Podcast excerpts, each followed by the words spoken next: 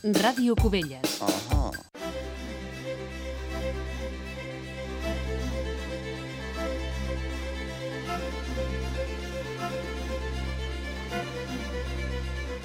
Molt bona tarda, Cubelles. Us parla Pau Ramon des de l'estudi central de l'emissora municipal. Quan passa un minut de les 7 de la tarda estem pendents que comenci la sessió plenària municipal corresponent al mes de juliol, una sessió plenària que arrencarà d'aquí ben poca estona i que avui es reunirà en format eh, telemàtic a distància, tal com es va fer també durant el confinament un ple municipal que s'acaba reunint d'aquesta manera a distància amb els regidors cadascú des de casa o els seus despatxos pels casos positius de Covid que, segons l'Ajuntament, s'han detectat recentment entre els electes i els funcionaris locals.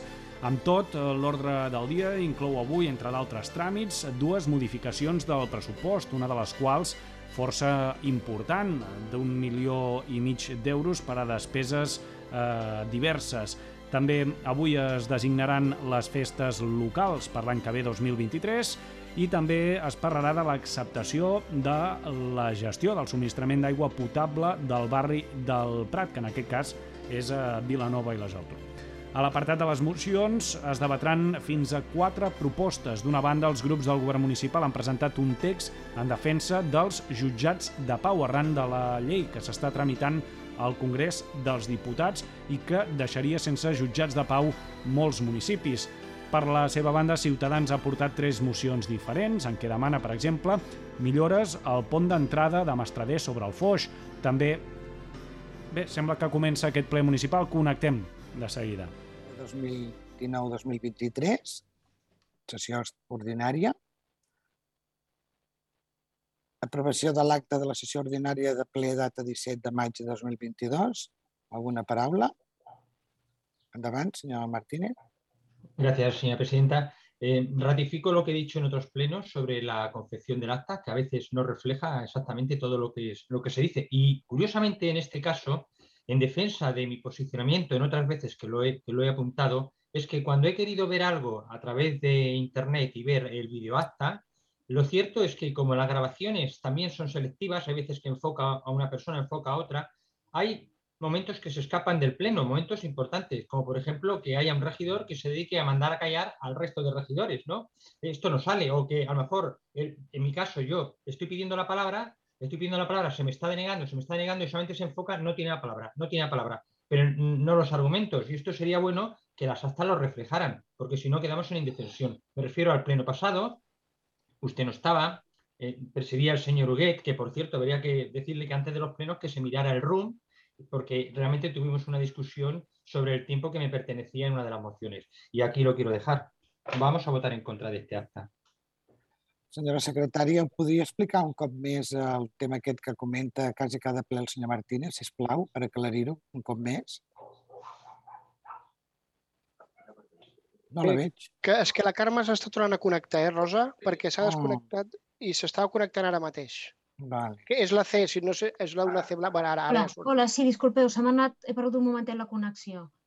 Disculpi, el senyor Martínez l'he començat a sentir, però l'he perdut. Bueno, que no surt reflexat totes les actes, de cada ple. Bueno, exactamente no, esta vez es diferente. Más ¿Me disculpa menos. usted? ¿Me disculpa? ¿Y lo digo? Sí, claro. Gracias, sí.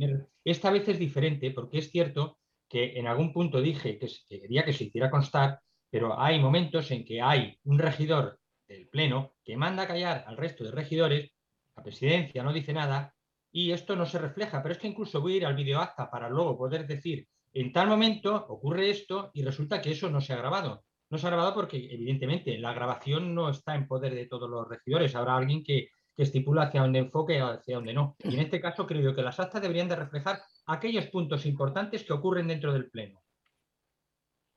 Yo, si me permite, señor Martínez, eh, usted es cierto, eh, dijo esto. Yo lo he recogido por escrito en el acta de soporte papel, no videoacta.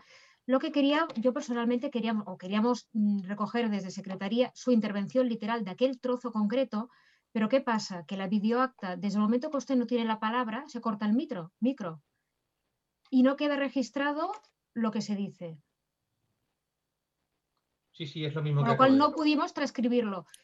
Yo, visto la experiencia, si vuelve a suceder, estando en la sala de plenos, pues tomaré nota manual. De todas maneras, como usted dijo que constara literal en alta o constara la intervención, para ese momento, la aprobación del acta, si usted quiere que recojamos algo, yo tomo nota y lo recojo en la acta. Sí, lo que he comentado, que hay un momento del pleno, no puedo decir el minuto porque no tengo aquí el video acta, donde uno de los regidores nos manda callar cuando estamos interviniendo. Generalmente lo hace cuando, cuando hacemos la cuestión. Y luego sobre el tema de, los tiempos, pues yo pedía los cinco minutos y había otra serie de regidores que no teniendo palabra, pues decían que dos minutos y luego el presidente decía dos y medio. Yo decía que eran cinco minutos. Usted me dio la razón al consultar, pero lo correcto es que el presidencia esto lo tenga más que cogido por la mano, no tener que interrumpir un pleno por, culpa de algo tan elemental. Gracias, nada más. Yo haré una, una relación sucinta de esta intervención y lo introduciré en el punto del orden del dia correspondiente. Gràcies. Eh, jo també voldria fer una aportació semblant. Eh, a mi també el mateix regidor en un moment donat també em va dir la frase tu calla, que també m'agradaria que quedés reflectida. Uh, senyora Badó, se'n recorda quin punt era això? Sí, crec que recordar que era el punt de la moció sobre les ocupacions. Sí, sobre això sí puc opinar també. Que m'agradaria que darrere ho expliques tot, no només la part que li interessa, perquè ja que és un acte de reflectir el que va passar exactament, o expliques tot o no expliquis res. Pues és un moment com aquest, que aquí parla el que, és, el que vol sense permís de la, de la presidència. Aixecar la mà, eh? I, però sí, però és que no és moment només que d'alegar si tens problemes amb l'acte. No és un moment d'una votació com si fos una moció. A veure si ens entenem de com funciona el ple. Demano la paraula, doncs. Endavant, endavant doncs m'agradaria que reflexionés a l'acte aquesta, que quedi reflectit que la, que la senyora Renata B2 es posés exactament què va passar per les dues parts, perquè així ens quedi reflectit el que va passar exactament, no el que a ella li interessés, perquè o reflecteix tot l'acte o, o penso que, que, que el que ens interessi no. O tot o res. Gràcies. Bueno, quedat aclarit per totes les bandes? No? Bueno, què le falta, senyor Martínez? Que todavía no entiendo por qué en, este momento del Pleno que lo que se hace es ratificar el acta por si tiene defectos, no en las votaciones, en el fondo, sino que pueden ser pues de materiales, se podrían hacer. Yo he hecho el defecto material que he encontrado. Y ahora entramos en una discusión que esto parece que estamos hablando de algo posterior, que no viene en este momento, y eso tiene que estar arreglado. Está arreglado, perdón.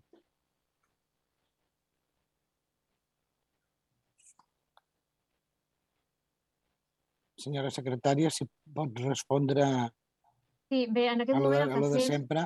Sí, uh, bueno, la, la reflexió que la, la, la transcripció més fidel, òbviament, és la videoacta, que és una, una gravació, per tant, ja no hi ha una, com es feia antigament, no? que, que el, la secretària pues, feia una relació sucinta de les intervencions.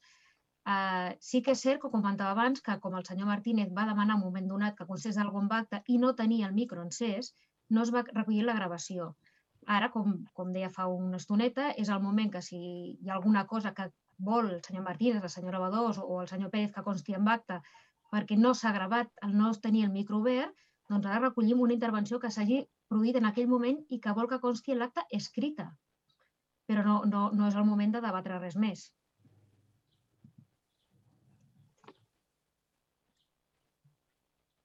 Doncs què, què diu el senyor Martínez envers la, intervenció de la senyora secretària. Agradecer-la. Vale, doncs continuem, entenc que continuem. Doncs anem... Uh, vots a favor? Amb l'acte la, esmentada, no, senyora secretària? Sí, sí. sí vale. A favor, O sigui, s'aprova per unanimitat? Molt bé, moltes gràcies. Anem pel segon punt. Informacions de la presidència. Uh, 17 de juny van començar els mercats d'estiu a la seva ubicació habitual, del carrer Nou i els dissabtes al Passeig Marítim, els dissabtes a la tarda al Passeig Marítim i una vintena de parades de diferents productes. També podem trobar la Fira d'Artesania tots els caps de setmana de juliol i tots els dies del mes d'agost.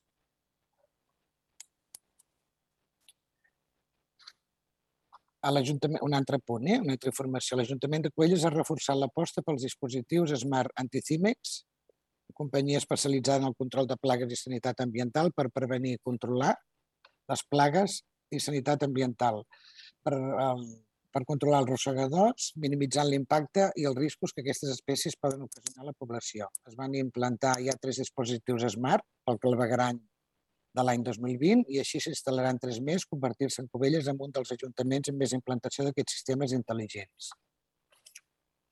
Un altre punt, es va celebrar a Cubelles una roda de premsa per donar a conèixer les dades d'aquest programa. Un total de 12 cubellencs i cubellenques han accedit al mercat laboral a través del programa d'inserció 30+, que coordina el Consell Comarcal. Es tracta de contractació de persones de més de 30 anys sense feina i que gràcies a aquests tipus de programes es reincorporen al mercat laboral. Un altre punt, l'Ajuntament posa en marxa el segon casal d'estiu per la gent gran. Aquest serà gratuït i funcionarà tots els matins laborables del mes de juliol i està destinat a persones de més de 55 anys amb tot tipus d'activitats. La informació per poder inscriure's es pot trobar a la web municipal o es pot anar presencialment al casal dels avis. Un altre punt, l'Ajuntament de Cubelles ha adjudicat el contracte de manteniment d'enllumenat públic a l'empresa Robatec pels propers 8 anys i poc, i poc més de 3,5 4 milions d'euros. La nova adjudicatària assumeix els serveis de manteniment preventiu, la renovació i instal·lació anual del llumenat de Nadal, la renovació amb tecnologia LED de més de 1.800 fanals i una renovació per línies per import de 557.000 euros. La nova concessió posarà quadres de telegestió en tots els armaris del llumenat al seu càrrec per detectar automàticament les incidències i poder-les comunicar al servei d'urgències de l'empresa de forma immediata. També ha fet una millora amb el subministrament i instal·lació de les llums de Nadal, que renovaran amb un total de 200 elements decoratius tipus LED per un valor aproximat anualment de 35.000 euros, que cada any es poden anar canviant. A més a més, l'empresa es farà càrrec de la seva instal·lació i també la seva retirada. Un altre punt, eh, l'Ajuntament de Coelles ha obert preceptiva l'aprovació de l'ordinança reguladora de la prestació matrimonial de caràcter públic no, no tributari, el subministrament domiciliari de l'aigua i del, i del clavegram del municipi. D'acord amb allò establert amb l'article 133 de la llei 39 barra 2015 de l'1 d'octubre del procediment administratiu comú de les administracions públiques. També s'ha obert la preceptiva consulta prèvia a l'aprovació de l'Ordenança General de Gestió, Liquidació, Inspecció i Recaptació dels Ingressos de dret, de dret públic del municipi de Cubelles. Amb dues estan obertes fins al 8 28 de juliol a través de la web de cubelles.cat barra consultes. Un altre punt, el passat mes de juny vam formalitzar el conveni amb Amico, Associació de Minusvàlids de Cubelles, pel qual l'entitat rebrà un ajut econòmic de 1.500 euros per a organització d'activitats adreçades als seus associats. Aquestes activitats tenen l'objectiu d'afavorir la inclusió de les persones amb discapacitat i oferir-los alguna sortida fora del municipi amb vehicles adaptats a les seves necessitats de mobilitat. Un altre punt, el 13 de juny van començar les obres de la primera fase del Pla de millora de la via pública i accessibilitat que coordina la regidoria d'Espai Públic. Fins al moment s'ha fet l'asfaltatge d'una part dels carrers de la zona Verdegí, Mota de Sant Pere, Clot del Besó i altres sectors del municipi, com la carretera del Corral del Tort, la carretera, la carretera vella de Cubelles i el carrer de Mas Peirot a la Solana. I així seguim amb l'obra civil fins al setembre que es, que es completarà l'asfalt. No hi ha cap més tema.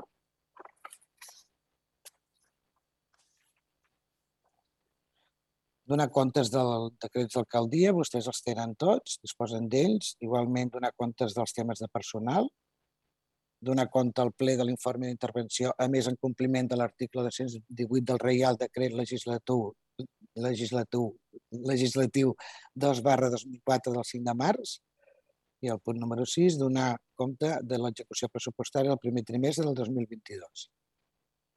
Anem a passar a la part resolutiva. Uh, manifest de, el primer punt és el manifest del 28 de juny, Dia per l'Alliberament i Orgull del LGTBI. Uh, senyora, senyora Juste, ho defensa vostè o la senyora secretària llegeix els acords? Em penso que la senyora Juste ha preparat alguna cosa. Sí, hola, bona tarda a tots un, i un, totes. resum, un resum petit del manifest. Sí, gràcies, gràcies, senyora alcaldessa. Bona tarda a tots i totes.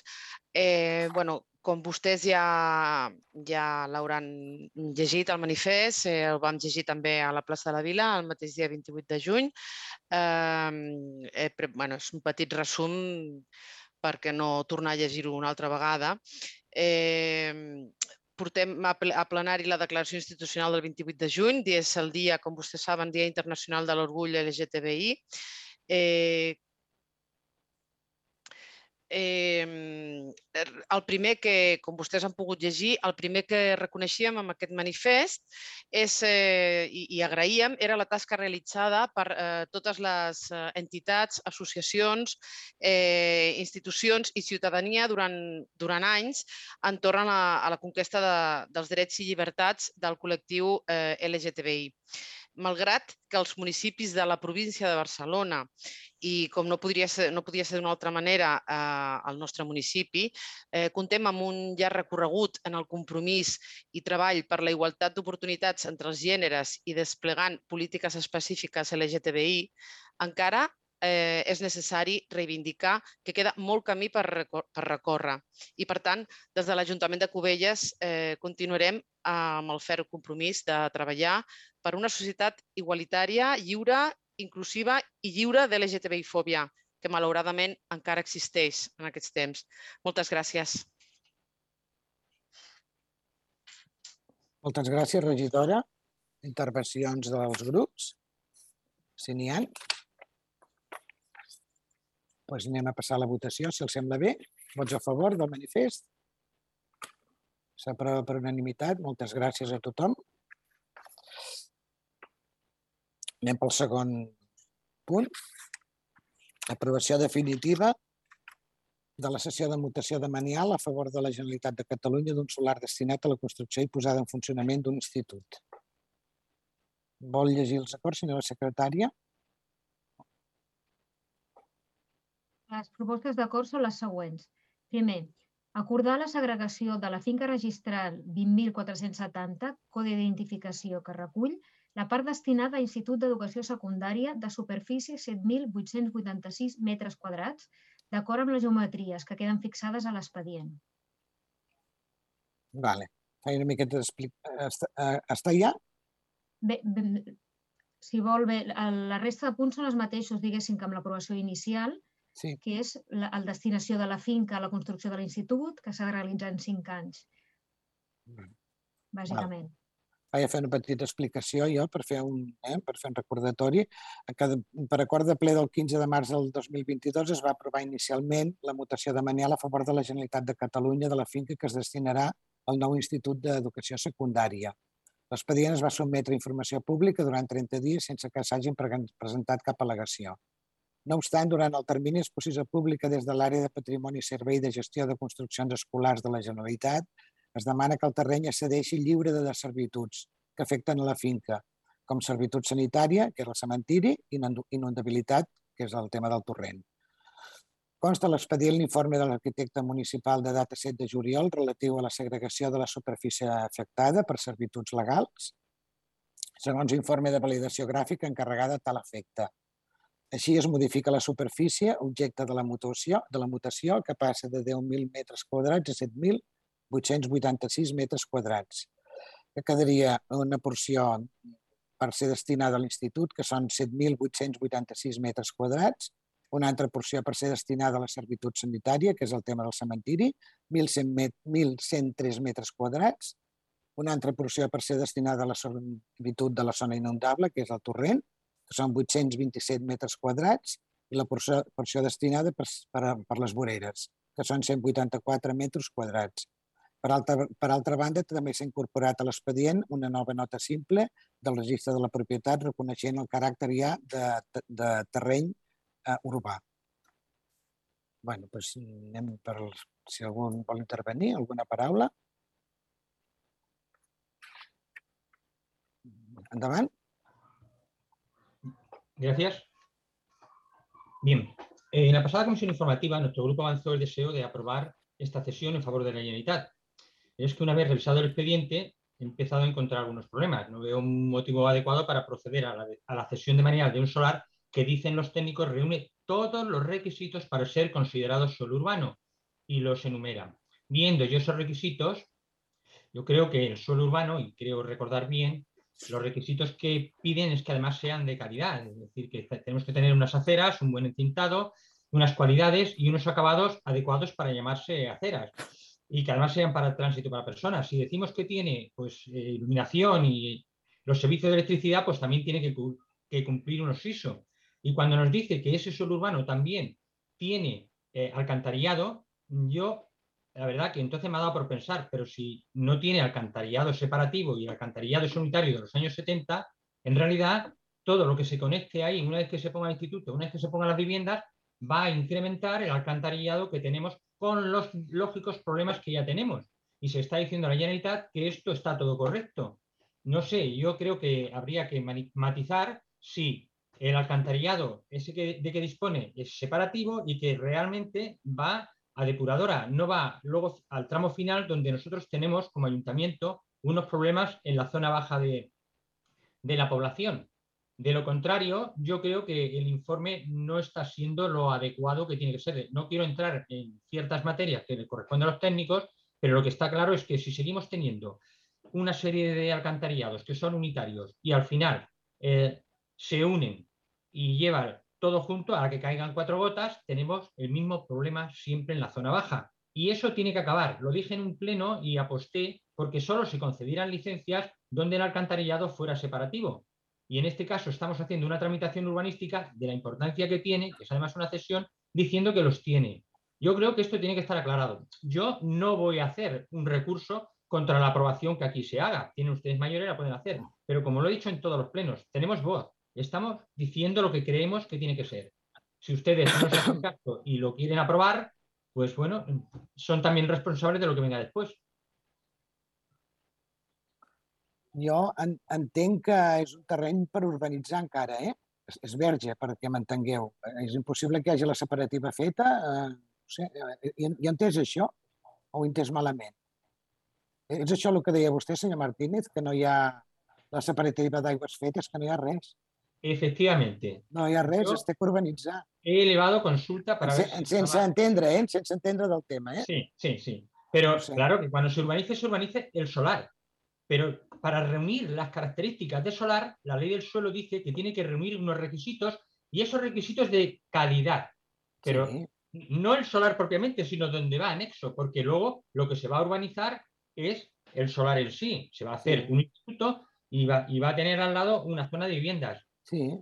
Más que nos guste, el alcantarillado es el que hay ahora mismo, no se crea uno es proceso. ¿Qué ocurre? Que si no se hace primero un alcantarillado separativo, todo lo que se haga en ese solar repercute en alcantarillado. Y además se está diciendo a la Generalitat que el día de mañana sus aguas residuales van a salir al espacio público natural, perdón, al espacio protegido natural o al río Foix. Porque realmente lo que se está diciendo es que tiene unos requisitos. Electricidad y teléfono no tiene, pero al lado los hay. Las aceras no las tiene, pero al lado las hay. Alcantarillado no los tiene, pero al lado los hay. Cuando hace el informe técnico no habla del instituto y de la zona, habla del solar. El solar reúne las condiciones que marca la ley para ser considerado zona urbana. Perdón, para ser solar directamente. Bueno, que, que, quizá este sea el segundo paso, ¿no? Ahora es, es, la, es la, sesión, supongo, ¿no? ¿Eh? En ninguna urbanización se da la condición de solar si no existe la acera, si no existe la conexión al alcantarillado prevista, no tiene que tenerlo porque no se ha edificado, y a partir de que ya es solar, se puede edificar, no necesita nada más que edificar. No hace falta urbanizar. Hay dos cosas que son diferentes, urbanizar y edificar. Sí, sí, y el informe técnico hablaba de encintado de aceras, hablaba de alcantarillado, hablaba de servicios eléctricos y no ha referido la calidad que tienen. Yo matizo, ojo, que por experiencia sé que esto está así. Por eso vamos a votar en contra en este momento i que quede constància. Bueno, com evidentemente se grava. Senyora secretària, vostè ens pot aclarir alguna coseta més d'aquest tema tan tècnic?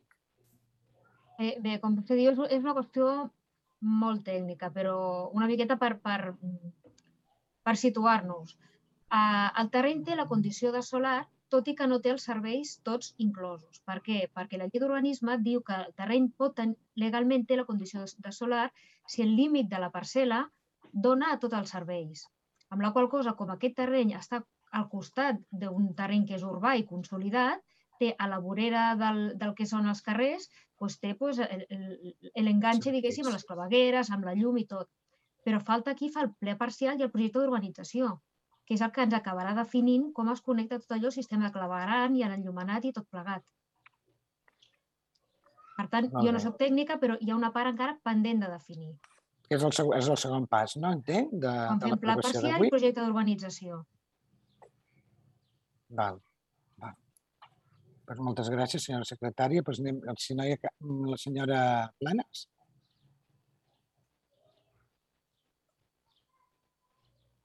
Gràcies, alcaldessa. Uh, bona nit. Nosaltres no posem en dubte que Cubelles necessita aquest institut. Ja fa anys que els nostres alumnes estan en mòduls prefabricats i que la construcció d'aquest institut és imprescindible per dignificar les condicions dels alumnes i potenciar que es quedin a estudiar a Cubelles. Un nou institut ens podria ampliar noves línies de formació i obrir camí a que a Cubelles es processin més especialitats de secundària i que els nostres estudiants no haguessin de desplaçar-se fora del municipi per estudiar. Ara bé, es poden cedir uns terrenys a la Generalitat que han rebutjat prèviament perquè són inundables. A més dels 10.000 metres quadrats que es deia a l'inici ja han baixat a 7.800. Pel camí hem perdut 2.200 metres quadrats que encara fan més petit el terreny per construir l'institut.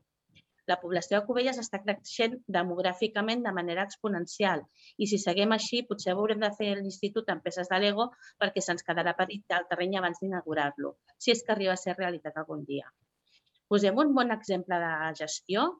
Cunit, governada pels PSC i en una població de menys d'habitants, que ja s'ha dit 9.000 metres quadrats de sol públic per fer un nou institut a la Generalitat i 1.000 metres quadrats més per ampliar l'institut actual que tenen. Això és una bona gestió. Desitgem de tot cor que la Generalitat accepti aquests terrenys i que la construcció sigui una prioritat i que realment es materialitzi. I per això nosaltres votarem a favor, com hem fet altres vegades, perquè no serem pas nosaltres els que posem cap a la roda que els estudiants es formin a Cubelles. Però creiem que si aquest institut hagués sigut una prioritat, hi havia un camí molt més fàcil, terrenys que ja eren públics, terrenys que sí que eren urbans, amb connexions de clavegaram i sanitàries correctes i amb molt menys entrebancs. I estem perdent molt de temps. El govern va tard ni malament. Gràcies. Moltes gràcies, senyora Planes. Uh, anem a passar a la votació, si no hi ha cap més paraula. Vots a favor? Vots a abstencions? Vots en contra? Molt bé, tothom a favor, excepte Ciutadans, senyora secretària. Doncs anem a passar al Exacte. tercer. Mm. És així, no? Sí, la proposta queda aprovada amb els vots favorables dels grups municipals Unitat Covellenca 11, Esquerra Republicana de Catalunya, Covelles en Comú Podem, la CUP, PSC i Junts per Covelles, cap vot en contra, ai, perdó, dos vots en contra de Ciutadans i cap abs- abstenció. Molt bé, moltes gràcies. Doncs anem al següent punt. Correspon a la regidoria d'Hisenda, que és l'aprovació de la modificació del pressupost expedient 1629-2022, mm, guió 5.300, que és la proposta de modificació de crèdit número 1822, modalitat crèdits extraordinaris, financiada amb el remanent líquid de tresoreria derivat de la liquidació del pressupost de l'exercici 2021 per un import de 29.485 euros en 95 cèntims d'euro. Uh, senyor Mudarra, sisplau, o la senyora secretària primer, que faci, que llegeixi els acords. Mm, Gràcies. Calma, tens el micro tancat. Sí, Val. Les propostes d'acord vale. són les següents. Primer, aprovar inicialment l'expedient de mo- modificació de crèdit número 18 barra 2022, modalitat crèdits extraordinaris, expedient 1626 barra 2022 guió 5300, finançada en romanent líquid de tresoreria derivat de la liquidació del pressupost de l'exercici 2021 per un import de 29.485,95 euros. Segon, adaptar l'anès de bases de execució del pressupost 2022 d'acord amb la modificació referida de la manera que es detalla la proposta. I tercer, exposar al públic els presents acords pel termini de 15 dies a comptar des del dia següent a la publicació del corresponent edicte al butlletí oficial de la província de Barcelona, BOP, període durant el qual les persones interessades podran examinar l'expedient esmentat i presentar les reclamacions davant del ple, La modificació es considera definitivament aprovada si durant el citat termini no es presenten reclamacions. En cas contrari, el ple disposarà del termini d'un mes per resoldre-les.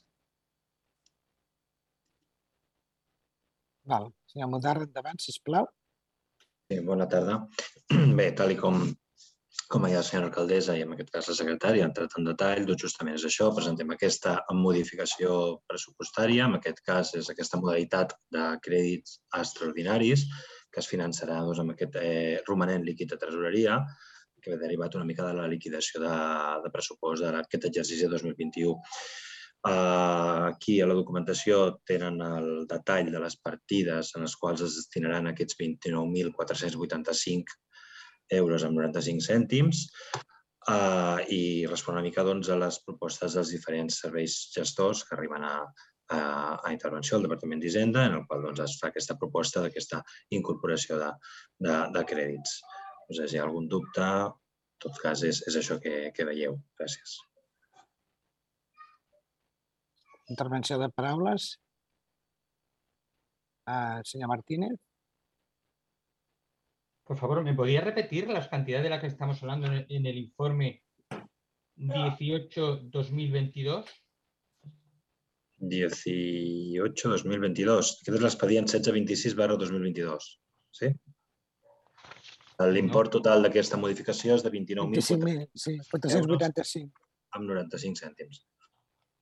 Vale, no es que yo en el informe que tengo, que es, es este, el 1822, he incluido dentro del expediente 1629 barra 22 5300, es una previsión de gastos de cultura. No sé si es que estamos hablando del mismo o no. ¿De, de qué importe le sale? El, informe, el importe cambia. Aquí tengo 28.550. Mm, Está la fiesta mayor, la fiesta petita. Está dentro del expediente. Lo digo porque no, no, no lo he sacado yo, me lo, ha- me lo han mandado. No, sé que igual lo estoy confundiendo. 18-2022. Y no corresponde a créditos extraordinarios, sino a créditos extrajudiciales. no, no estem parlant del mateix, senyor Manuel. Vale. Pues si existe uno con el mismo ya está. De todas maneras, mire, eh, eh, ¿me toca la palabra? Lo primero. Com vostè Sí, vulgui, sí. La posición del voto. ¿Hay alguien delante? ¿Cómo? ¿Cómo? si hay alguien antes que yo, porque en realidad esto era una aclaración y lo que quisiera es pues intervenir porque me parece que las modificaciones que se nos han metido, pues como estaba diciendo muchas veces, son fruto de la improvisación, aparecen de golpe porrazo, pero además de que nos presentaron un presupuesto tardío y que tenía que haber estado hecho, que ya tuvimos un poco de discusión sobre el tema, lo, tenemos como aquel que dice recién aprobado y ya estamos empezando a hacer modificaciones no las veo todas muy claras, no sé si es porque me falta documentación, pero lo poco que he revisado me llama la atención. Creo que valdría para, los tres, para las tres modificaciones que, les, que se hablara que para que nos- nosotros ciudadanos les aprobáramos la modificación de los presupuestos, la verdad es que requeriríamos un poco más de transparencia. En todo caso, nosotros ya venimos denunciando pleno tras pleno que no son muy buenos gestores de lo público. Para gastar el dinero en fiestas lo hacen genial porque los beneficiarios suelen ser los mismos que le otorgan sus votos, a cambio de felicidad que ellos reciben. Pero es que al final tanta fiesta la pagamos todos y estamos empezando a darnos cuenta de que muchas de estas modificaciones lo que están haciendo es pasar el dinero a zonas donde faltaba y el de personal, que ya lo hemos dicho también en alguna ocasión, que es el que no se acaba de gastar, acaba repartiéndose a posteriori. Y la verdad que lo que hace falta es que el personal esté cubierto y que los servicios, se, eh, los servicios directos a todos los ciudadanos se hagan sin prejuicio de que algunas de las fiestas que organicen o aspectos culturales que haga la Regidoría de, Cu- de Cultura, que nadie va en contra de ello, no se, no se limite solo a fiestas que pagamos los demás. Luego, en todo caso, me referiré al informe este que he recibido, el, el de créditos extrajudiciales 18-2022, que viene incluido en estas modificaciones. Eh, y claro, cuando uno empieza a ver dónde se gasta el dinero y cómo se traspasa, yo no puedo estar de acuerdo. La verdad es que no. No nos cansamos de decir que eh, sus modificaciones presupuestarias son bastante reflejo de esa improvisación. Yo diría que al final esto refleja una incapacidad de llevar a, al Pleno, llevar propuestas creíbles y que sean ejecutables y que realmente beneficien a toda la población. No es gastar dinero por gastarlo, lo hemos dicho, porque recauden más, no son mejores gestores. son si ese dinero que lo recaudan lo emplean mejor y repercute en los servicios. Lo he referido antes, eh, se ha hablado de, que las modificaciones estas que se, están haciendo, al final cambian el dinero de un lado a otro. También una de las modificaciones he visto a la vez como una repetición que van otros 50.000 euros más a cultura, pero no, no lo desgranan en qué va, no, no lo explicitan. Y claro, cuando eh, nos pasan modificaciones de crédito y no están claramente definidas en la documentación que nos pasa y a la que nosotros accedemos, y les puedo decir que he accedido a, toda la, a casi toda la documentación, que creo que no me habré dejado gran cosa en esto, pues no podemos votar a favor. Y esto sirve para los tres, los tres presupuestos. Mire, las cuentas de, de las cuentas de este ayuntamiento en 2019, refiriéndome al informe este que acabo de, dar, reflejaron informes de favorable, objeciones y apuntes de fiscalización e intervención por un valor de 5.895.577,73 euros, de los que reconocimientos extrajudiciales, es decir, esas facturas que yo siempre he dicho que al final proceden de, expedientes o, falta de expediente o no se ha llevado bien la contratación o es imposible tramitarlo porque lo han hecho sin, esos sin hacer los pasos adecuados, pues fíjese, la cantidad que asciende en créditos extrajudiciales en, en la anterior legislatura, perdón, en el anterior año, 2019, subía a 3.649.000. En el 2018, ojo, eran 429.045, se ve que han ido especializando. Y en el 2021, ¿vale? Se acercaban de nuevo a los, se acercaban un poquito a la cifra primera de 2019, que son de 3.770.140,38 la verdad es que o nos dan las cuentas claras o, por ejemplo, con Ciudadanos no cuenten para que les aprobemos las modificaciones en esos términos. Gracias. Senyora secretària, eh, aquest senyor no disposa de la mateixa informació que tothom, igual? Que quan, quan demana accés a un expedient té una altra informació de la, de la real que hi ha o de la que podem veure nosaltres? És que, clar, ell, ell ho deixa anar i queda dit així una miqueta com que ell té un altre tipus d'informació que nosaltres. Això és bastant habitual, no sé. No rigui. Quan es convoca... Yo iría a preguntar... Preguntaría perdone, si perdone, perdone, por favor, està, està hablant de la secretària, senyora Martínez. Disculpe. Per, per favor. Disculpe. Quan es convoca el ple, eh, tots els regidors, govern i oposició, absolutament tots, tenen accés a tot l'expedient íntegre, amb tots els informes. Els informes dels departaments gestors, són, que són els que motiven les, modificacions. L'informe de la interventora que analitza la, la, la legalitat i la validesa que es diu, eh, les propostes de l'informativa. És que no, no, no es pot fer de cap altra manera, perquè amb un, amb un fitxer, per entendre'ns, eh, està tota la documentació, no es pot extreure res, està tot gravat en allà. O, o sigui, no li podem treure una fulla i posar-li un vell diferent Uh, no, tots no, tenim el mateix, no? no, no. S'accedeix informàticament amb, amb un arxiu, per entendre. Bueno, us, us, usted, usted ha dicho que no, que no sabe lo que tenemos nosotros, usted ha dicho que sabe lo que tiene usted. En principio, no todos, todos tenemos que tener no lo mismo. Me atengo a mis palabras que estarán grabadas. Voy a repetir vale. la parte solo esencial para no confundirlos. No podemos aprobar porque de toda la documentación que nos envían no aparece todo cuantificado. Acaban, por ejemplo, otros gastos, 50.000, Departamento de Cultura, 50.000, por ejemplo, ¿no? Eso es una otra no, cosa. A mí, no me basta, a mí no me basta esas modificaciones así ahora, porque hemos hecho un presupuesto de una partida a otra y además aquí empiezan a, pedirse dinero para otras partidas. Y esa es la documentación que está ahí, no me la estoy inventando, está ahí y no es diferente, es la misma, solo que al final saco la conclusión sobre las modificaciones, se separan, se segmentan para que se aprueben en el Pleno, pero realmente es más de lo mismo. No son previsores y tienen que hacer cambios y además cuando nos justifican, no lo justifican bien con lo que están presentando. No estoy diciendo que yo tenga una documentación diferente, no lo he dicho eso. Bueno, pues igual no sabemos interpretar nosotros o yo misma. Bueno, pues anem a la votació si no hi ha cap més uh, intervenció. Rosa, a mi m'agradaria contestar-li. D'acord, davant. D'acord, gràcies. Eh, crec que el senyor Manuel ha fet una barreja, començant que estava, tenia un document, un expedient, un informe que no té res a veure amb això que estem tractant ara, Parla de festes i festejos. Jo faré un aclariment. Com que no està veient el document que estem aprovant ara, li diria que no fa referència a cap partida a festes i festejos. Li puc així llegir, si no té davant. Les partides en les quals es destinaran aquests 29.000 euros sí, sí. són a arranjaments de mobiliaris i estris, a neteja i acondicionament, a subvenció a riscos, a l'entitat de riscos de Cubelles, a un vehicle de protecció civil, a lloguer de maquinàries, instal·lacions, a l'associació de pobillatge, que gestionarà tot el tema de pobillatge a Cubelles, a material electrònic i un conveni amb l'Associació de Municipis per a Mobilitat i Transport Urbà, que és l'AMTU. Per tant, entenc que aquestes partides no hi ha cap per a fiestes i festejos, com diu el senyor Manuel.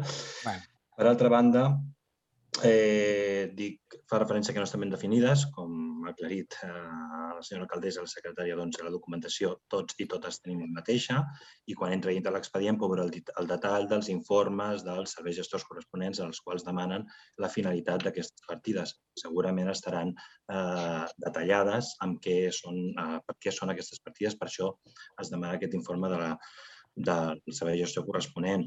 I en tot cas, si tingués algun dubte, sempre ens pot preguntar exactament amb què i el servei corresponent segurament no tindrà cap problema en explicar-li en què es gastarà exactament fins l'últim cèntim d'aquesta partida.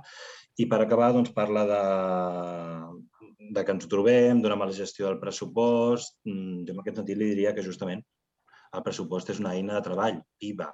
Val? Mala gestió seria no fer res una bona gestió seria moure aquests diners per tal de que tinguin sortida i vagin allà on són necessaris. I el dia a dia es modifica i d'un any a l'altre pensa que el pressupost segurament eh, s'ha treballat amb més d'un any d'antelació, el que preveiem l'any següent, eh, moltes coses van canviant el dia a dia. I, per tant, aquestes modificacions el que pretenen, pretenen és donar resposta a les necessitats que tenim en un moment determinat.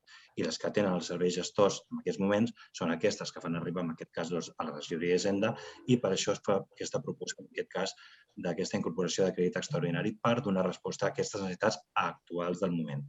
Per tant, eh, insisteixo que el pressupost és una eina per treball del dia a dia i, per tant, no puc estar d'acord amb, amb la seva opinió. Gràcies.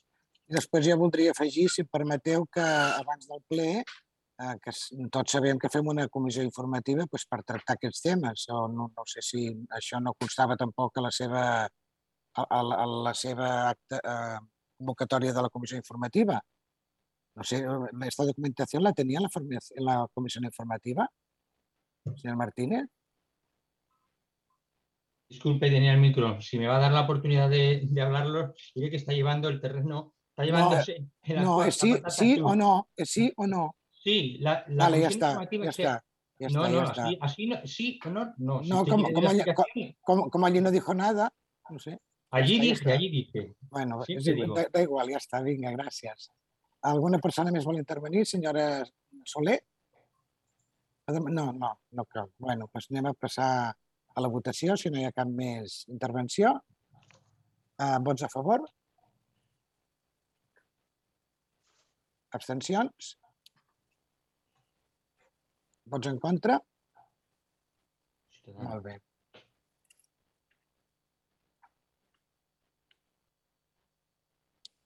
La modificació queda aprovada amb els 10 vots favorables corresponents als grups municipals d'Unitat Covellenca 11, Esquerra Republicana de Catalunya, Cubelles en Comú Podem i la CUP, dos vots en contra del grup municipal de Ciutadans i les abstencions dels grups municipals del PSC i Junts per Cubelles. Mm, molt bé, perfecte, senyor secretari. Anem pel punt número 10, aprovació de la modificació del pressupost, expedient 1631 barra 2022 guió 2700 vol llegir els acords vostès? És que, és que si no repetim les dues. Gràcies, senyora secretària. Les propostes d'acord són les següents. Primer, aprovar inicialment l'expedient de modificació de crèdit número 25 barra 2022, expedient 1631 barra 2022 2700, finançada en romanent líquid de tresoreria derivat de la liquidació del pressupost de l'exercici 2021 per import d'1.504.250 euros amb 99 cèntims. Adaptar, segon punt, adaptar l'annex 1 de les bases d'execució del pressupost 2022 d'acord amb la modificació indicada de la manera que es recull a la proposta.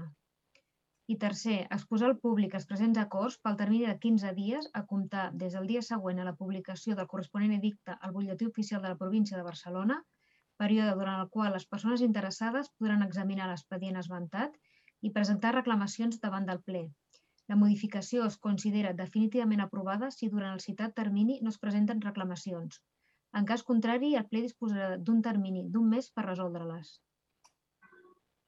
Moltes gràcies, senyora secretària. Senyor Modarra. Gràcies, sí. Doncs, sí, doncs en aquest cas doncs, eh, presentem una altra modificació pressupostària. En aquest cas sí que és un valor de 1.504.250 euros, amb 99 cèntims, uh, però en aquest cas eh, és modalitat suplement de crèdit, uh, també finançada amb romanent líquid de tesoreria, eh, derivades justament de la liquidació del pressupost 2021. Aquesta modificació hi ha una sèrie de partides que és, és molt més llarga, que ja tenen a la documentació, i són, com bé els explicàvem o parlàvem a, a la comissió informativa, doncs són una mica partides derivades doncs, de diferents, diferents motivacions, algunes d'elles doncs, a, degudes a l'ajustament del pressupost que es va fer per tal de poder aprovar el pressupost 2021 i d'altres doncs, que requereixen doncs, més partida doncs, per tirar endavant l'execució del, del 2022. Bé, són diferents, eh, cada partida té la seva característica, casuística, doncs en tot cas doncs, simplement això, que s'incorpora aquest millor a 500.000 euros eh, per a aquestes despeses. Gràcies. Moltes gràcies, senyor Mudarra. Intervencions? Señor Martínez. Sí, muchísimo. Sí, ¿se me escucha ahora? Sí, sí. Muchísimas Perfecto. gracias. Bien, mm, parece que las modificaciones de crédito, si uno las critica, es no sé, alguien extraño a que he venido aquí, sino a criticar algo que se me expone y que además creo que tengo los motivos, le he dicho el por qué. Porque hace muchas modificaciones en muy poco tiempo, sobre muchas cuestiones en muy poco tiempo, y aunque no las presente en una comisión informativa, tampoco es el tiempo que nosotros tenemos, que es el que tienen ustedes con sus técnicos y los que deciden.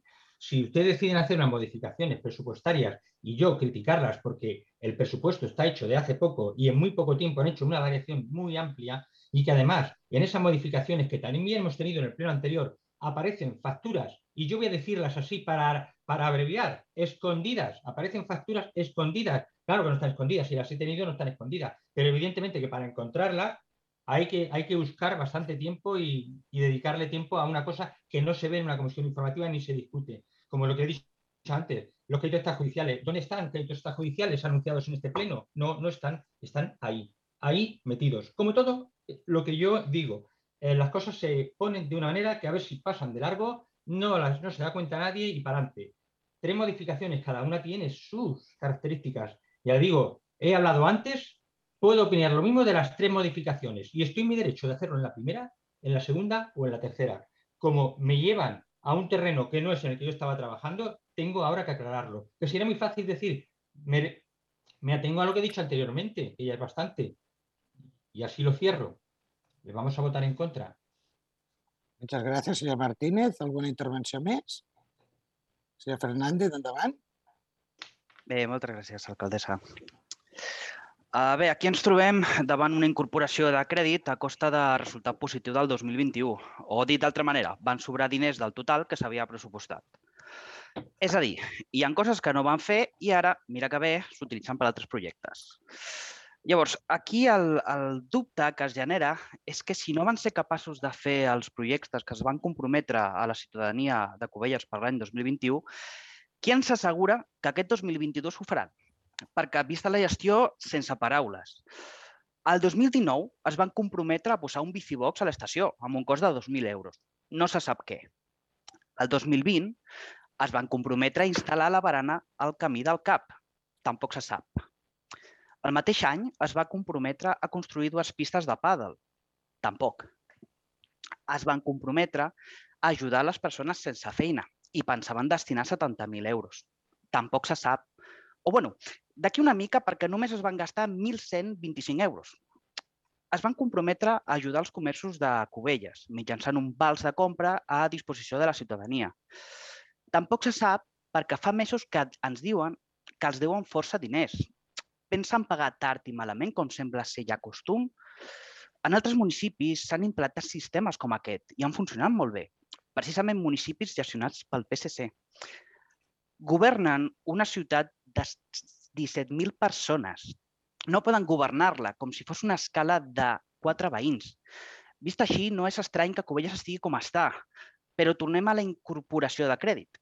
Sembla que no tenen intenció de gestionar correctament o millorar les condicions de vida dels ciutadans. De fet, sembla que fa temps que estan en campanya i que fan propaganda.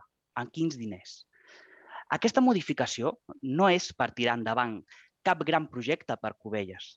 Aquests ja estaven pressupostats des de fa tres anys, alguns des de fa més. Però clar, ara els volen fer a corre cuita abans de les eleccions municipals de 2023, que ja falta poquet.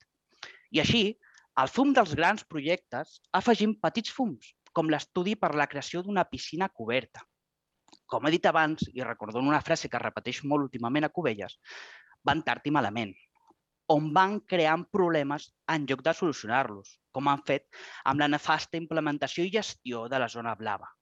Després de set anys, amb el mateix govern, ara ja sí que toca la reforma del passeig marítim ara. Ara també es vol inaugurar la biblioteca, que fa més de dos anys que les obres han acabat. Es promet un espai jove quan fa tres anys que l'espai està disponible i s'esperen a final de legislatura per obrir-lo. Els votants no són nens petits i els residents de Cubelles estan cansats que ens venguin fum. Després de set anys, vostès són els responsables del mal estat de Cubelles. Vostès són responsables del vòrtex. Vostès són responsables del caos de la zona blava. Com es pot gestionar tan malament una cosa tan fàcil com, per exemple, que els parquímetres estiguin en corrent estat d'ús i funcionament? Se'ls recorda que han de gestionar una ciutat de 17.000 habitants, perquè Cubelles no és el poblet en el que alguns van néixer i créixer. És una ciutat de 17.000 habitants que necessita una bona gestió i no la d'un govern que va tard i malament, on sembla que no tenen gaire clar què significa una bona gestió. I és per això que ens abstindrem en aquesta votació. Gràcies. Molt bé, miri, jo li recordaré que quan governava la seva precedent, la senyora Maria Lluïsa Romero, això l'he dit moltes vegades, en quatre anys només, va, només van fer un pont, per almenys nosaltres ara comencem a fer coses, sap què vull dir? Tot en dos anys de pandèmia, i cada ple que en digui li diré el mateix. Això és el que hi ha. Tothom fa el que pot ells podien fer molt perquè tenien diners i llibertat i no van fer res. Feien altres coses que no eren eh, beneficioses per la població. Eren beneficioses per... Bueno, mm, mm, aquí ho deixo. Vale? Moltes gràcies. Alguna intervenció més? I cada vegada que digui això li diré el mateix, perquè és que no hi ha més. En quatre anys només es van fer un pont ja està. Per almenys nosaltres fem moltes coses, sigui el final, sigui el principi, però ho fem. La qüestió és fer les coses amb bona voluntat. En dos anys i mig de pandèmia, pensem, eh? llavors no hi havia pandèmia, eh? llavors hi havia barra lliure, mai millor dit. Alguna intervenció més? Doncs anem a passar. Senyor Huguet? Sí, gràcies, alcaldessa. Bé, una, una mica lamentablement doncs, veiem doncs, que ja des de fa un parell de plens, eh, bueno, i, i m'atreviria a dir més de, de més de fer un any, el Partit Socialista ha desembarcat a Cubelles, benvinguts, senyor Fernández, eh, doncs, eh, a fer allò que, allò que és clàssic i típic de, del Partit Socialista, no? vendre eh, aquell fum. Miri, nosaltres el, el fum no el venem, nosaltres els diners els movem per fer projectes que hem promès als ciutadans que complirem. I amb això estem, senyor Fernández. Inaugurem la biblioteca, farem les obres que calguin, farem el passeig, encara que vostès els hi dolgui. M'entén? Aleshores, i sí, escolti, jo estic dintre d'aquests que van néixer i créixer a Cubelles i me'n sento orgullós, val? I, escolti'm, intentem fer sempre el millor pels ciutadans i ciutadanes de Cubelles. No ho dubti mai, això. D'acord? I li demanaria, si us plau, que esperés una miqueta a entrar ja tant al trap no? amb, la, amb, la, amb el que seria la campanya electoral. Vostè tindrà temps de presentar el seu projecte, que deu ser molt engrescador, i doncs, si té el suport dels covellencs, jo l'aplaudiré. Si no, doncs, eh, estarà l'oposició veient com algú altre doncs, governa eh, de la millor manera possible. Gràcies.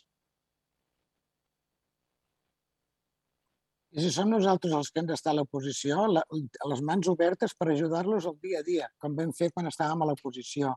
Mm, al seu costat estarem, per ajudar-los en tot i perquè puguin inaugurar més coses. Això és, eh, eh, això és tard i malament, oi? Doncs vinga, anem a passar la votació. Vots a favor, si us plau.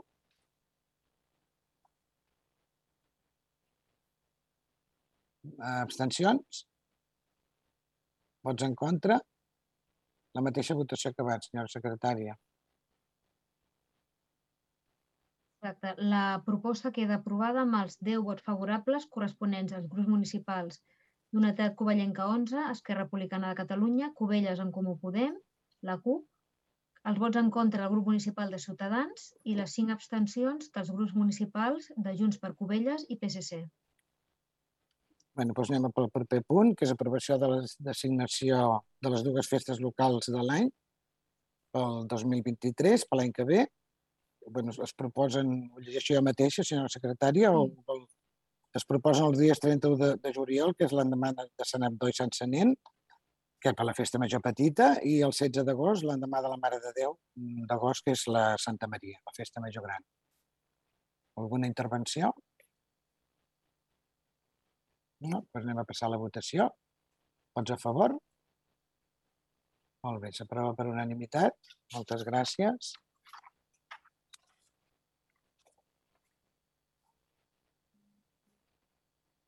Aprovació regidoria espai públic, aprovació de l'acceptació de l'encomana de gestió de l'Ajuntament de Cubelles pel subministrament d'aigua potable al barri del Prat de Vilanova i la Geltrú. Uh, senyora secretària, vol llegir els acords i després... Les propostes d'acord són les següents. Primer, acceptar l'encomana de gestió per part de l'Ajuntament de Vilanova i la Geltrú a l'Ajuntament de Cubelles pel servei d'abastament domiciliari d'aigua potable al barri del Prat de Vilanova del municipi de Vilanova i la Geltrú. Segon, aprovar la minuta del contingut dels pactes del conveni d'encomana de gestió a l'Ajuntament de Cubelles pel subministrament d'aigua potable al barri del Prat de Vilanova i la Geltrú, el qual s'adjunta com a annex i forma part d'aquest acord a tots els efectes. Tercer, facultar la senyora alcaldessa per la signatura de l'esmentat conveni, així com per la realització de quantes accions siguin necessàries per la plena executivitat del present acord. Quart, nomenar l'enginyer municipal responsable del seguiment del conveni i o de la comissió de seguiment que s'haurà de constituir. Cinquè, comunicar l'adopció d'aquest acord a l'Ajuntament de Vilanova i la Geltrú, a la companyia concessionària del Servei de Subministrament d'Aigua Potable de Cubelles i els serveis tècnics municipals. I quart, publicar el conveni al BOP de Barcelona i inscriure el registre de convenis de col·laboració i cooperació de la Generalitat de Catalunya. Molt bé, moltes gràcies. Senyor Hugué, vol fer una miqueta de més de exposició centrada en el tema? Sí, gràcies, alcaldessa. Doncs eh, bé, eh, es tracta doncs, que històricament, eh, des de fa gairebé 50 anys, la zona del Prat de Vilanova, altrament coneguda com l'Ibersol, el subministrament d'aigua potable doncs, ha estat eh, el, el, el fa la companyia concessionària de Cubelles, en el seu moment Sorea i ara Bar. No? Aleshores, dins dels treballs que s'estan preparant en l'expedient de licitació del nou servei del cicle integral de l'aigua de Cubelles, eh, s'ha volgut regularitzar eh, per part d'aquests dos ajuntaments, aprofitar la situació eh, doncs per eh, això fer-ho eh, adoptant aquesta encomana de gestió per part de l'Ajuntament de Vilanova. És a dir, que eh, al llarg d'aquests 50 anys eh, no hem tingut un document que sustentés aquesta, aquesta aigua que s'estava eh, doncs, eh, donant, eh, cobrant-la, evidentment, la companyia concessionària al, al Prat de Vilanova. No? Eh, per tant, eh, bé, eh, els, eh, la, la idea és que amb aquesta encomana de gestió, que tindrà una durada de 5 anys, eh, i ha de ser doncs, aprovada pels dos eh, ajuntaments, els plenaris, l'Ajuntament de Vilanova ens diu doncs, que a mig plaç, a partir d'aquest cinquè any, i si pot ser abans, hi ha la voluntat doncs, de que se'n faci càrrec del subministrament de Prat de Vilanova des de la companyia concessionària d'aigües de Vilanova. Aleshores, bé, nosaltres l'únic que fem és posar eh, en, un, en un conveni, en un, una encomana de gestió, en els quals doncs, hi ha participat tant les secretaries generals de l'Ajuntament de Vilanova l'Ajuntament de Cubelles, els tècnics municipals i les intervencions respectives, doncs eh, posar-ho en un document i doncs, fins que Vilanova no faci la connexió que sembla ser que en un futur a mig plaç vol fer, doncs eh, la concessionària de Cubelles donarà servei eh, en aquests habitants de Vilanova. Molt bé. Alguna intervenció?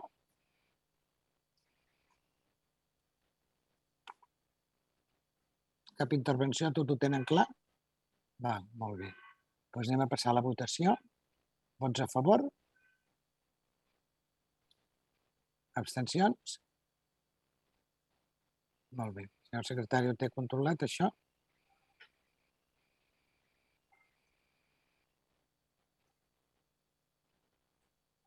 Disculpi, el vot del grup de Ciutadans no l'he acabat de veure. A favor, hemos votado a favor. Vale.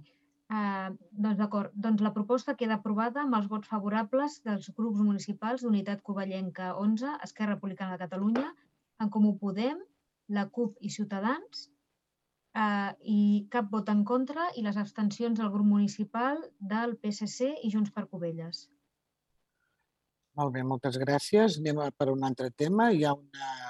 Hem entrat per, per urgència. Una altra aprovació de la modificació del pressupost és la 1631 barra 2022 guió 7304. Aquí està que votar la urgència, no, senyora secretària? Sí. Vale. Pues anem a votar la urgència. Vots a favor de la urgència? Vale. Abstencions? Vots en contra? Molt bé. Ciutadans vota en contra. Sí, sí, ja l'hem vist ja. Sí, l'urgència queda aprovada amb els vots favorables de l'equip de govern i els vots en contra dels grups de l'oposició. Molt bé. Doncs, pues, eh, senyor, senyor secretari, si vol fer l'exposició vostè i després el senyor regidor. Ai, jo, a mi també m'ha semblat que era en contra. Disculpi, el vot? Abstenció. Sí, abstenció. Del senyor Monzonis. Disculpi, és que amb, amb, amb el Zoom costa... Sí, també m'ha semblat. costa...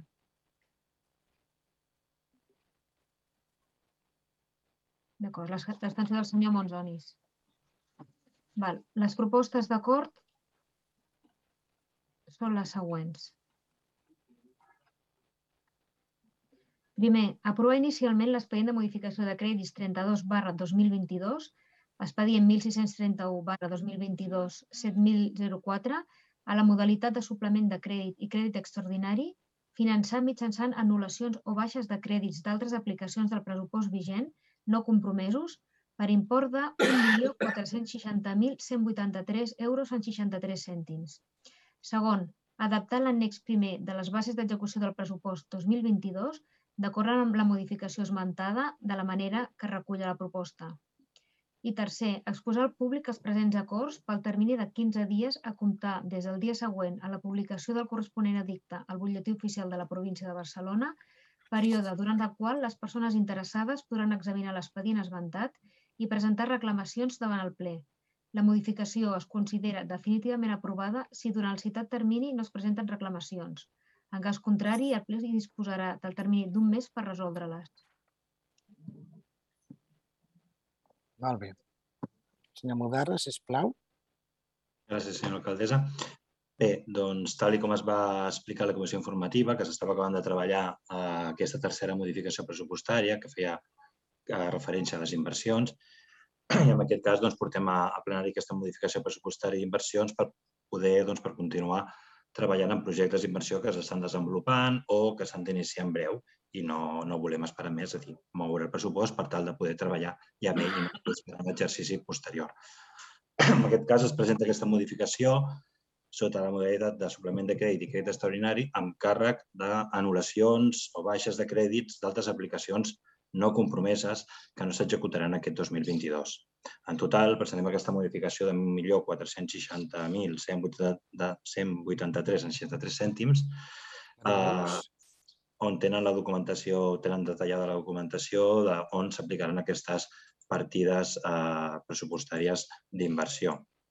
Eh, com veuen, doncs, hi ha diferents partides que es donaran de baixa, eh, una mica també aprofitant i donant resposta a alguna intervenció que s'ha fet amb el punt anterior, que es deia doncs, que eh, hi havia uns diners que eh, en aquest cas aquest govern deixava de fer unes coses, coses que no s'han fet o no es van fer, per tal de dedicar-les a altres coses. Aquesta frase s'ha dit fa un moment amb el punt anterior i justament això ho és. Uh, per exemple, doncs, hi ha una aplicació d'una canalització, en aquest cas, de, amb el conveni a l'ACA, Santa Maria, de 230.000 euros, que tenim aquí des de fa molts anys, si no m'equivoco, mm, sona que és cap a l'any 2000, uh, i des de l'any 2000 al 2022 crec que el PSC ja ha estat a govern i aquests diners continuen aquí una mica congelats. Eh? Per tant, el que fem amb aquesta modificació és donar-li un nou ús. Val? És un exemple d'un de, de les partides que hi ha aquí. Per tant, sí, diners que no s'han fet per X motius, cada, cada partida té la seva motivació i en aquest cas el que es fa és donar-hi un nou ús eh, i no esperar a l'aprovació d'un pressupost eh, d'un exercici eh, anual, si no podem fer amb aquesta modificació i per tant aquesta modificació que repercuteix en inversions eh, puja aquesta quantitat que dèiem, 1.460.000 i que es dedicarien doncs, a aquestes partides doncs, que tenen detallades aquí, en diferents eh, motivacions, suplements de crèdit, eh, que tenen detallades. Val? Per tant, bàsicament és això, no cal entrar partida per partida, però bàsicament és això, partides d'inversió que s'hauran d'executar aquest 2022, preveiem i esperem que es puguin executar aquest 2022, Eh, en tot cas, ja pararíem a final d'any si s'ha pogut executar tot, que és la intenció. El primer pas és dotar la partida. A partir d'aquí treballar a nivell tècnic perquè això sigui possible, sigui viable sigui, i sigui una realitat i esperem doncs, que es pugui tirar endavant totes aquestes modificacions que anem fent per treballar. No es tracta d'una campanya política, sinó es tracta de poder seguir treballant pel municipi per tots i per totes. Gràcies.